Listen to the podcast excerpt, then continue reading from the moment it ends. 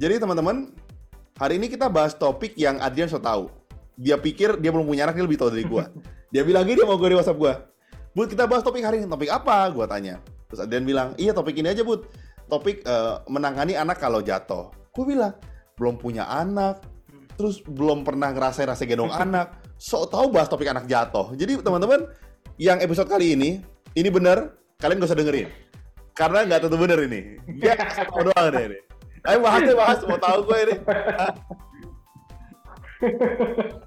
eh, but, but. Eh, eh. Sorry ya, nggak perlu punya anak untuk bisa pengalamannya itu. Yang penting gue punya pengalaman. Seperti ini ya, seperti ini. Gue bisa bilang kalau lu tuh waktu kecil pasti sering jatuh di kepala. Sejak tahu dari mana lu? Eh? pasti, pasti tuh waktu lu kecil ya sering jatuh, bentuk kepalanya, bentuk mukanya itu gue yakin pasti. Karena tidak beraturan ya, tidak simetris ya. jadi jadi gini, jadi gini. Eh, gue pengen tahu coba, gue pengen tahu ilmu lu sejauh apa coba. Gimana anak jatuh? Coba kita tes. Asik. Ayo, mau tahu? Ayo coba. Eh, ta- tapi by the way, Gimana, ah, gimana ya? Sorry, sorry, sorry. Terus, terus. Hmm. Sebenarnya, Bud, kalau misalnya prinsip penanganan benturan di kepala, ini kita kita bisa gini ya, kita bicara konsepnya itu eh, kalau cuma jatuh biasa, kayak anak lagi belajar jalan, terus tiba-tiba dia kesandung, jatuh, kan wajar ya. Biasanya sih kalau terkenanya cuma di tangan dan kaki, nggak terlalu bermasalah, benar nggak, Bud? Karena kalau misalnya ada masalah banget, pasti orang tua udah sadar lah, gitu. Ya. Ada sesuatu yang ya ada sesuatu yang berbeda. Nah, yang menjadi concern nih biasanya adalah kalau benturannya di kepala gitu. Dan gue Oke. rasa nggak cuma sampai anak-anak aja. Tangkap orang dewasa aja kadang-kadang bingung kan. Ya, ya, kapan ya. sih mesti dibawa ke dokter, kapan sih enggak gitu. Ya, ya. Nah, nah gini bu. Jadi basicnya sebenarnya bedanya antara anak-anak atau bayi dengan dewasa itu adalah komunikasi. Oke, O- karena karena anak-anak belum bisa ngomong kan kalau dia jatuh gitu kan. Itu dia. Dan anak-anak tuh nggak bisa mengekspresikan apa yang dirasakan. Gitu. Oke. Jadi konsep utama dari tenaga medis adalah gini, Bud. Kalau misalnya ada benturan di kepala, kita curiganya apakah ada patah, ya, Hmm. retak pada tulang tengkoraknya. Ada perdarahan, ada pembuluh darah pecah di kepalanya. Dan semua itu biasanya bisa dirasakan secara klinis oleh si pasien. Contohnya misalnya rasa mual yang rasanya nggak nggak nggak berhenti, muntah-muntah, project pro- muntah projectile muntahnya tuh nyembur gitu, Bud terus rasa sakit kepala yang terus-terusan dan itu semua tuh kan sebenarnya bisa dibilang sama orang dewasa gitu. Nah ini yang susah dikomunikasikan pada bayi dan anak makanya tanda-tanda itulah yang menjadi perhatian kita. Ah, stop bentar. Ian, gue penasaran. Waktu itu jawaban lu persis sama kayak dokter anak, ternyata lu ada isinya juga. Gue pikir lu gak ada isinya kan, gue gak nyangka. Oh ternyata dia bisa dipercaya juga gitu. jadi, jadi, Ada jadi, ada ada lemak isi gue lemak. jadi gue pernah tanya sama dokter anak. Waktu itu kita mau eh, liburan, Aitan setahun waktu itu. Terus kita tanya pertanyaan pertama kali kita tanya gini, dok, kalau enggak lah belum setahun lah waktu itu berapa bulan, 6 bulan kali, 8 bulan gitu. Udah mulai guling-guling kan. Dok, Nah. kalau anak Nah Kalau- satu tandanya sering kena benturan di kepala itu kadang-kadang ingatannya suka aja sama gitu. Padahal anaknya aja belum belum lama satu tahun ya, jadi dia udah lupa gitu loh. Tahu, tahu, tahu, tahu, tahu. Lu, lu mengganggu konsentrasi gue. Eh enggak, gue tanya dokter anak. Lu bilang, dok, kalau misalnya anak jatuh, saya harus gimana sebagai orang tua? Kan udah mulai, kan kalau kita tidur gitu kan, kalau punya anak, dipannya dikeluarin, jadi kasurnya rendah gitu kan, semua dibikin kalau jatuh nggak bahaya. Hmm. Nah terus, si dokter bilang, yang pertama dicek, anaknya muntah atau enggak. Hmm. Nah, gue tanya sama lu, kenapa sih muntah jadi indikasi utama kalau anak jatuh? Bud, Bud, sebelum gue jawab pertanyaan gue mau nanya dulu, Bud. Ah. Lu bilang kan dipannya dibikin rendah nih, biar biar di, anaknya dipannya kalau jat- dipannya dikeluarin biar langsung eh, apa eh, spring bednya aja. Nah, pertanyaan gue kenapa nggak dikasih pembatas aja gitu loh? Jadi lu mau bikin tinggi kan nggak masalah. Gini loh, anak gua itu kayak gua pinternya. Jadi dia bisa merangkak keluar, udah ada gua pembatasnya, nggak ngefek ding. Dia nyempil nyempil masuk di situ dia. Terus dia nangis kalau dia kejeblos di situ dia, nggak bisa. Jadi akhirnya akhirnya kita membatasi banyak di biar dia jatuh nggak sakit gitu. Karena suka nyangkut dia. Gila, miripnya sama bapaknya. gimana gimana? Oke. Nah, Bud, eh, lu kan sering pasti lu sering nonton sinetron deh, Bud. Ya. Kalau misalnya gua aja dari kecil aja istilah gegar otak itu baru tahu dari sinetron, bukan dari pendidikan. Benar, benar. ya. Nah, kan tadi gue udah bilang, eh, yang kita khawatirkan pada saat terkena benturan di kepala itu sebenarnya adalah itu tadi ya ada tulang tengkorak yang retak. Kalau cuma sekedar retak tapi posisinya bagus nggak apa-apa. Kita diemin aja juga mungkin dia akan eh, menyatu apa membaik lagi dengan sendirinya. Ya. Yang kita takutin, Bud, retak dan dia menusuk ke bawah Oke. gitu ya itu bisa menciderai otak bisa cedera pembuluh darah akhirnya pembuluh darah pecah jadi perdarahan Oke. nah kalau enggak tengkoraknya baik-baik aja nih tapi karena benturan yang benar-benar hebat bikin pembuluh darah di dalamnya pecah lagi-lagi perdarahan di kepala nah kepala kita itu but lu, eh, lu bayangin itu sebagai tempurung kelapa ya itu adalah suatu ruangan yang tertutup eh jangan deh jangan tempurung kelapa otak lu nggak nyampe gue bilang kayak balon Woi, nyampe woi. Oke, terus. Oh nyampe, nyampe ya. Lu bayangin kalau balon, balon itu kalau misalnya kita pompa terus-terusan, pada pada suatu momen dia akan meletus. Enggak, enggak. Kalau pompa terus-terusan, suatu saat pompanya akan terbang. Karena gue punya balon di rumah, gue pompa, pompanya yang pergi. Balon gue tuh sekuat itu. Salah lo. Berarti lu kurang mengetahui banyak jenis-jenis balon sebenarnya. Nah ini ya tanda gegar otak pada masa kecil. Nah, Terus, terus. jadi, jadi ibaratnya balon, kalau misalnya kita kasih tekanan terus-terusan, seberapa elastis pun dia dia akan pecah, meletus. Oke, Tapi kepala kita tuh nggak elastis, bud. oke. Iya kan? Kepala kita tuh yang tadi gue bilang kayak batok kelapa, keras. Nah, Ya. kalau kita ada tiba-tiba ada perdarahan yang seharusnya tidak ada, di darahnya keluar, keluar, keluar. Yang kebayang, kebayang nggak yang terjadi apa? Otak kita akan tertekan dengan perdarahan yang keluar terus-terusan. Akhirnya Ya. otaknya jadi terjadi pergeseran dan itulah sesuatu yang fatal. Nah, pada saat kepala kita itu berdarah, berarti kan volume volume yang ada di kepala kita kan bertambah. Yang tadi cuma ada otak sama pelindungnya, sekarang udah ada darah juga yang keluar. Jadi ada peningkatan di dalam kepala kita. Itulah yang menyebabkan rasa mu- mual dan sakit kepala itu. Gitu. I see. Dan kadang-kadang, kadang-kadang ya Bu, orang itu nggak nyadar. Jadi nggak ada rasa mual tiba-tiba atau begitu dia sadar kena benturan kepala dia langsung muntah. Muntahnya itu yang tadi gue bilang projektil. Arti, artinya muntah itu nyembur gitu. Berarti kemungkinan ada sesuatu nih di kepalanya. Oh, kalau sorry, kalau dia muntahnya nyembur, jadi gini, jedot terus nyembur gitu ya. Berarti something wrong. Enggak, kalau itu lu deskripsi pistol air, Bu. Enggak, bukan beda. Wah, ya udah loh. Maksud gue, enggak enggak langsung, enggak kejadian enggak mesti langsung gitu. Ah. Enggak, enggak mesti setelah kena benturan langsung muntah gitu. Itu kayak pistol Oke. air pok-pok gitu, bukan. Nah, kalau kalau ini jadi begitu kena benturan, bisa aja kejadiannya mungkin eh, sejam kemudian, dua jam kemudian, tiga jam kemudian sakit kepala yang mengganggu, terus tiba-tiba dia begitu yang muntah, muntahnya keluarnya adalah nyembur, gitu Hmm. maksudnya. I see. Oke. Kalau gitu berarti eh, something wrong ya, maksudnya terjadi kesalahan dengan otaknya ya. Terus yang gue mau Hmm. nanya, eh, kita kalau jatuh itu benturan Hmm. belakang yang bahaya. Maksud gue kan bisa jatuh tuh kepalanya kena pembatas lah something kalau anak-anak gitu ya. Maksud gue Hmm. apakah kalau depan tuh nggak bahaya, bahaya tuh belakang itu signifikan banget atau sebenarnya semuanya nggak boleh gitu? Ya, misalnya nih, misalnya nih, Nah. misalnya, gue bilang kalau jatuhnya di depan sih nggak nggak masalah sih buat apa gitu. Gimana jatuh gitu? Bukan.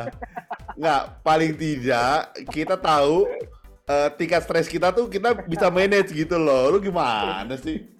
Eh, Sebenarnya sih hampir sama buat posisinya, karena kan itu semua kan eh, pokoknya intinya adalah masuk sebagai peluang tengkorak dengan eh, tingkat kekerasan yang sama. Artinya nggak ada soft spot gitu, nggak ada bagian yang lebih lunak, lebih gampang kena benturan, lebih parah derajatnya itu.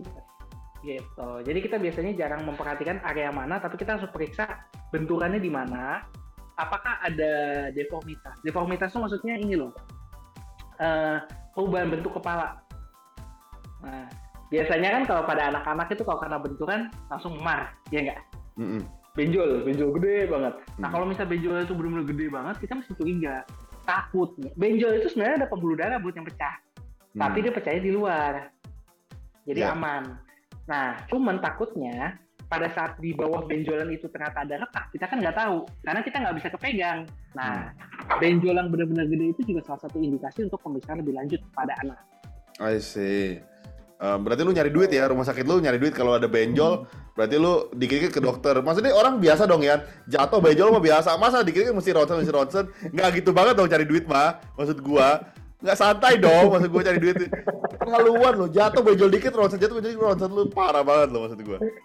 Masalahnya kalau nggak dikontrol jadi kayak lu nanti. Nah, ya eh, pernah ketemu kasus nggak maksud gue gini?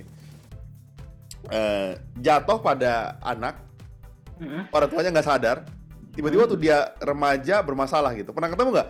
Yang orang tuanya nggak sadar gitu ya, tiba-tiba kejadian something wrong ketika dia beranjak dewasa gitu atau remaja gitu.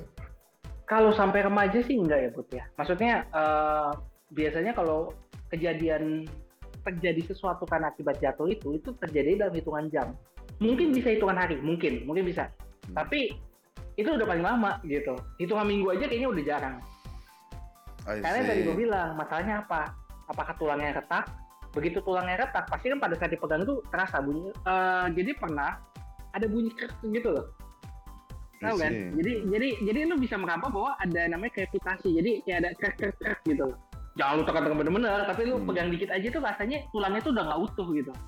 Hmm. Nah, atau yang kedua ya itu tadi ada pendarahan. Nah, pendarahan itu kan terjadi dalam hitungan jam. Kalau dia merembes sedikit ya hitungan hari lah katakan. Itu nggak bisa sampai kita pertahanan tahunan gitu. I see. Nah, untuk orang-orang kayak lu yang otaknya nggak terlalu ada isinya, kalau dia jatuh kebentur nggak apa-apa. Maksud gua kan kita begini nih, kan ada isinya full. Kan dia kalau kebentur kan benjol terus dia nanti kan lebih besar gitu. Nah, kalau untuk orang-orang tertentu kayak lu yang nggak terlalu ada isinya, bisa segini nih. Kalau benjol kan, ya nggak apa-apa, belum kena gitu. Itu nggak masalah ya. Kita bisa tahu dari mana seorang yang nggak ada isinya tuh dari mana otaknya Mungkin- gitu. Mungkin periode amannya lebih banyak ya karena otaknya kecil kan maksud lo kan? Iya kan? Karena otaknya segini. Kalau benjol set, ah masih aman. Set masih aman kan masih ada rongga dia. I see. I- iya dong, logis dong sebenarnya. Nah? Bu, tapi eh, ada beberapa poin penting juga mesti gue sampaikan. Hmm. Nah, jadi tadi kan ya para orang tua nih super parent kan semua udah tahu nih kalau misalnya pada anak dia mulai eh, cenderung lemes ya, cenderung rewel. Anak yang tadinya antang-antang aja jadinya bawanya rewel terus. Nah itu bisa jadi mungkin dia merasa nggak nyaman, bisa jadi kepalanya mungkin sakit. Karena adanya sehingga- peningkatan tekanan tekanan eh, te- tena- apa peningkatan tekanan di kepalanya, Iya. ya muntah-muntah. Atau anaknya cenderung malah nggak aktif. Tidur terus setelah kejadian ya atau malah ya lebih parah amit-amit ya tapi misalnya malah masuk ke kondisi koma wah itu udah mesti wajib wajib Hmm. wajib banget untuk dibawa Oh, iya oke, Nah. I see. Terus yang kedua, kalau ada luka terbuka. Nah, ini Lu- problemnya berbeda, Bud, dengan peningkatan tekanan kepala yang tadi gue sebutin. Hmm. Kalau luka terbuka, kalau misalnya nggak ditangani dengan banget, eh, dengan baik, takutnya itu menjadi pintu masuk kuman yang akhirnya menjadi infeksi. Gitu. Hmm. Dan biasanya sih kalau pada luka terbuka kan kita khawatirnya berarti kemungkinan benturannya itu terkena sesuatu yang agak tajam, benar nggak? Ya, iya, Nah, iya. takutnya di bawah luka terbuka itu pada saat diperiksa ternyata ada eh, apa namanya eh, trauma pada tengkoraknya. Artinya tengkoraknya bisa patah, bisa pecah karena dia terkena sisi yang tajam. Nah itu juga menjadi salah satu yang diwaspadain pada Oke. anak dan bayi. Oke, got it. Nah, Yan, berarti kalau gitu eh, pertanyaannya sekarang adalah a- apa namanya? Eh, gini. Kalau misalnya seseorang anak terkena jatuh gitu ya, mereka harus langsung bawa ke dokter kah atau mereka bisa observasi sendiri? Kalau mereka mau observasi sendiri, mereka harus ngapain gitu? Kalau anaknya jatuh nih, mereka harus gimana sebagai Hmm. orang tua? Nah, eh pertolongan, pertolongan pertama adalah Bud, kita pastikan dulu kondisi anaknya itu seperti apa. Nah, itu. Jadi, kalau misalnya trauma setelah dia terkena benturan, setelah dia jatuh, amit-amit, tapi ternyata anaknya nggak sadar, Hmm. ya, kita bangunin, kita kasih rangsangan yang kuat dan biasa kasih bebauan gitu. Nah, kemudian kalau misalnya anaknya sudah bangun, sudah sadar, kita lihat dulu kondisi anaknya itu bagaimana. Apakah dia, yang tadi gue bilang, apakah dia aktif, apakah malah rewel, apakah malah dia jadi cenderung nggak aktif, apakah ada muntah-muntah, kondisi pada saat jatuhnya mungkin kalau para orang tua pasti bisa lah ya dipegang pelan-pelan pelan-pelan aja untuk melihat ini ada nggak sesuatu yang salah, ada sesuatu yang aneh nih pada kepalanya. Hmm. Nah, kalau dari semua tanda yang gue sebutin itu ada salah satunya aja, itu bawa ke dokter. Oke, oke, Gitu. oke, paham. Nah, kalau misal nah, penanganan selanjutnya di dokter apa? Nah, dokter itu biasanya akan melakukan pemeriksaan yang sama persis yang tadi gue bilang. Jadi diulang lagi pemeriksaan si orang tuanya. Hmm. Tapi dengan pertimbangan itu kan sudah kalau dibawa ke dokter kan ya mungkin udah satu jam lewat ya setelah traumanya. Terus udah gitu pemeriksaan dokter kan kadang-kadang mungkin lebih yang berpengalaman kan lebih baik ya daripada orang tuanya untuk dicek ulang. Nah, dokternya kadang-kadang kalau misalnya dia tidak yakin dia akan menganjurkan pemeriksaan tambahan. Biasanya yang jadi utama itu adalah pemeriksaan CT scan Hmm. gitu. Tapi, nah, pitfallnya di sini bud. Jadi gue sering tuh pengalaman gue banyak orang tua yang anaknya tuh sebenarnya menurut dokter itu nggak kenapa-napa, tapi dia tetap minta diperiksakan CT scan. Oh, Dengan I see. Nah, dengan dalih maksudnya untuk jaga-jaga karena kita kan nggak tahu Ya. kepalanya gimana gitu. Nah, sebenarnya pada kondisi ini sih sebenarnya nggak salah bud. Tapi para orang tua juga mesti tahu bahwa CT scan itu seperti waktu itu udah pernah kita bahas mengandung dosis radiasi. Hmm. Artinya aman nggak untuk anak? Aman. Dosis radiasi itu kita udah pernah bahas ya, bahwa itu Iya. aman. Tapi Kalau nggak perlu nggak usah lah, gitu Nah, kan? itu dia. Ada Eh. pendapat yang bilang kalau memang nggak perlu ya nggak usah. Nggak usah ngapain ya, paham, paham. Nah, eh, makanya sarannya sih itu ya eh, pada sobat healthy, kalau misalnya anaknya itu disarankan tidak melakukan pemeriksaan, ya berarti mungkin itu adalah yang terbaik untuk dia gitu. Hmm. I see. Oke, oke. Nah, eh, berarti kurang lebih itu aja ya. Maksudnya, gua rasa orang tua orang tua udah jelas juga ngelihat eh, apa ngedengerin penjelasan dari lu juga. Mereka harus gimana gitu ya. Maksudnya kondisi anaknya kalau tiba-tiba berubah drastis kan jadi jadi kita harus waspada gitu. Nah, teman-teman, untuk menutup gue mau cerita sedikit. Dulu waktu gue SMA, Adriani sempat pingsan, jatuh pingsan. Temen karena kita nggak sadar kan, kita kasih rangsangan supaya dia bangun kan. Bawaan, kita tuh nggak sadar dulu kita injek-injek kepalanya. Mungkin ini nyebabin dia jadi gini sekarang. Kita salah waktu itu. Jadi gue, saya sorry dulu Adrian tuh diam gitu kan waktu SMA tiba-tiba setelah kita injek-injek kepalanya dia jadi berubah jadi aktif mungkin itu yang gue inget yang lu bilang tadi Yan karena kita nggak nggak belajar kita nggak tahu oh ternyata kalau dia berubah tuh harus jadi waspada kan? Oh. wah salah Jadi, jadi kondisi gue saat itu karena kepala gue tuh masih bocor sampai sekarang gitu ya. jadi setelah dia jatuh tergeletak gitu ya dia pingsan bukan kita sadarin kita injek-injek mukanya sama kepalanya. Jadi kita salah waktu itu. Ya maaf deh. Ya kan nggak sengaja waktu itu jadi apa boleh Oke, buat ya Oke. Eh, Ba- Berarti kan berarti kan lu udah udah tahu nih Bud ya. Eh, udah tahu eh. apa bisa dilakukan. Nah, kalau tiba-tiba gue pingsan lagi yang lu lakukan apa, Bud? Iya tetap gue tetap gue injek-injek juga. Jadi teman-teman kita akan tanya tiap hari Rabu teman-teman kita akan buat topik-topik yang mungkin Oh, ya, gue lupa. Satu boleh. lagi, Bud. Satu lagi, satu lagi pesan gue. Hmm. Jadi eh, ada suatu periode namanya interval lucid. hmm, Interval lucid. lucid. Hmm. Jadi, ini adalah suatu kondisi di mana seseorang, bisa anak, bayi, dewasa, yang mana pun, itu ke sana baik-baik aja setelah kena trauma kepala. Oke, I see. Oke. Tapi setelah beberapa jam, mungkin bisa hitungan hari yang tadi gue bilang, kondisinya makin menurun. Oh, I see. Jadi, itu menjadi warning sign juga. Nah, Hmm. proses terjadinya kenapa? Mungkinan karena bocornya itu halus. Hmm. Jadi, perdarahannya tetap ada, tapi dia nggak langsung mendorong, mendesak otak sambil menimbulkan gejala. Dia eh, keluarnya dikit aja. Misalnya, katakanlah tetesan, jadi netes, netes, netes, netes, sehingga perlu waktu untuk mengisi kepalanya, ningkatin tekanan di dalam kepalanya, sehingga baru timbul gejalanya. Nah, ini juga nih yang menjadi perhatian. Eh, jadi pernah kasusnya itu adalah anak itu jatuh di sekolah. Hmm. Anaknya jatuh di sekolah, orang tuanya nggak dikasih tahu. Pas pulang anaknya baik-baik aja, iya dong, Hmm, hmm. nggak ada masalah. Tapi makin lama makin sore, kok anaknya jadi yang tadi gue bilang cenderung kayak ngantuk, tidur, nggak aktif. Akhirnya nggak sadar. Rangsangannya jadi Oke. kurang. Dibawa ke dokter, dokternya juga bingung kan, karena nggak ada riwayat jatuh yang disebutin Nah, sebelumnya. itu- iya, iya, iya. gitu. Orang orang tuanya nggak tahu gitu, Hmm. karena pada saat di sekolah itu nggak diceritain. Nah, setelah digali lebih, karena pas diperiksa kok kayaknya memang mungkin ada something wrong, ada sesuatu yang salah di kepalanya, di CT scan baru ketahuan. Ternyata Hmm. memang ada eh, gambarannya kok ini seperti orang kena benturan gitu. Pas dikonfirmasi ulang di sekolah ternyata betul ada jatuh. insiden itu.